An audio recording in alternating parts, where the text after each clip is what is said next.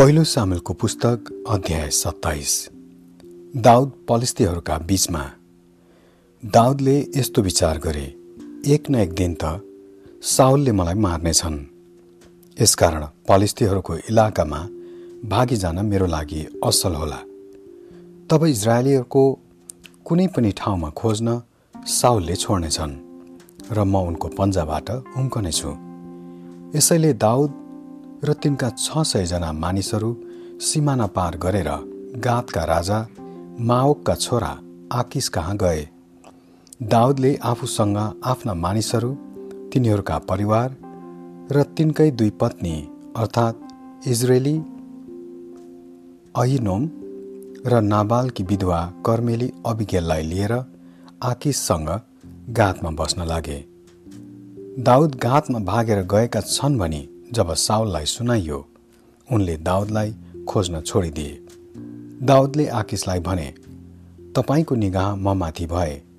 तपाईँका देशको कुनै एउटा गाउँमा बसोबास गर्न मलाई ठाउँ दिनुहोस्। म किन तपाईँ महाराजासित राजधानीमा बस्नु? यसकारण आकिसले त्यस दिन तिनलाई सिक्लग दिए। त्यो अझै पनि यौदाका राजाहरूको भएको छ। दाउद फलिस्तीहरूको देशमा एक वर्ष चार महिनासम्म बसे। दाउद र तिनका मानिसहरू आक्रमण गर्नलाई निस्कन्थे र गसुरीहरू गिजरीहरू र अमालेकीहरूलाई लुटपिट गर्थे। उनीहरू प्राचीन कालदेखि सुर र मिश्र देशसम्मैका बासिन्दा भएर बसेका थिए। जब दाउदले कुनै देश लुटपिट गर्थे तब तिनले पुरुष अथवा स्त्री कसैलाई पनि जीवित राख्दैनथे। तिनले भेडा बाख्रा र गाई गोरुहरूका बथान गधा र उँट र लुगाफाटाहरू पनि लगेर फेरि आकिस कहाँ फर्केर आउँथे।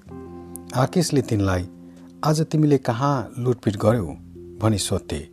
तिनी भन्थे यहुदाको नेबेक देशमा अथवा एरहमेलीहरू वा केनीहरूको नेगेब देशमा।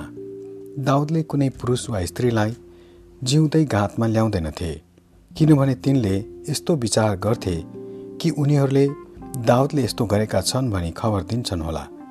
फलिस्तीहरूसँग बसुन्जेल तिनको चाल यस्तै थियो।